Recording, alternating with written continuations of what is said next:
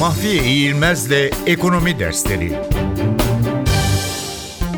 Sanayi Devrimi Sanayi devrimi Avrupa'da 18 ve 19. yüzyıllarda yeni buluşların üretime olan etkisi ve buhar gücüyle çalışan makinelerin makineleşmiş endüstriyi doğurması, bu gelişmelerin de sermaye birikimini arttırmasıyla ortaya çıkmasına yol açmış değişimlere verilen genel addır.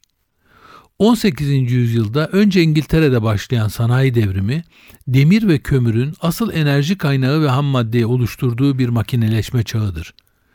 Kömür, buhar ve makinenin birleşiminin ortaya çıkardığı sanayi devrimi, önemli ekonomik, siyasal ve toplumsal dönüşümlere, Avrupa'da burjuva sınıfının yapı değiştirmesine ve yeni bir işçi sınıfının doğmasına yol açmıştır. Sanayi devrimi sonucunda işçi sınıfı bilinçlenmeye yöneldi. Toplumların hemen hepsinde en kalabalık sınıfı oluşturdu. İşçi sınıfı yoğunluğuna karşın ekonomik ve siyasal haklardan mahrumdu. Zaman içinde sosyalizmin de etkisiyle işçi hakları iyileştirmeye tabi tutuldu.